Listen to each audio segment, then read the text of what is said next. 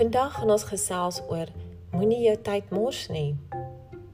En ons lees 'n stukkie uit Efesiërs.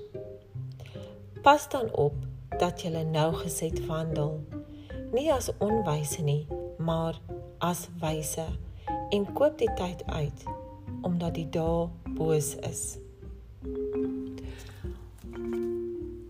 So ons moet leer om selfdissipline te hê sodat nie, ons nie ons tyd mors op onnodige dinge nie.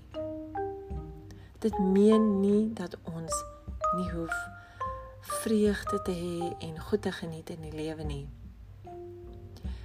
Dit beteken ook nie ons moet afgehaal wees en maak asof ons niks kan geniet nie.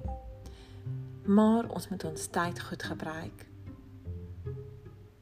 en ons moet ons deel van ons dag gee aan God en ook in sy woord verkeer met hom gesels ook.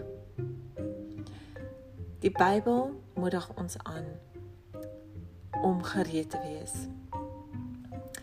En daar is 'n stukkie uit Spreuke wat so gaan.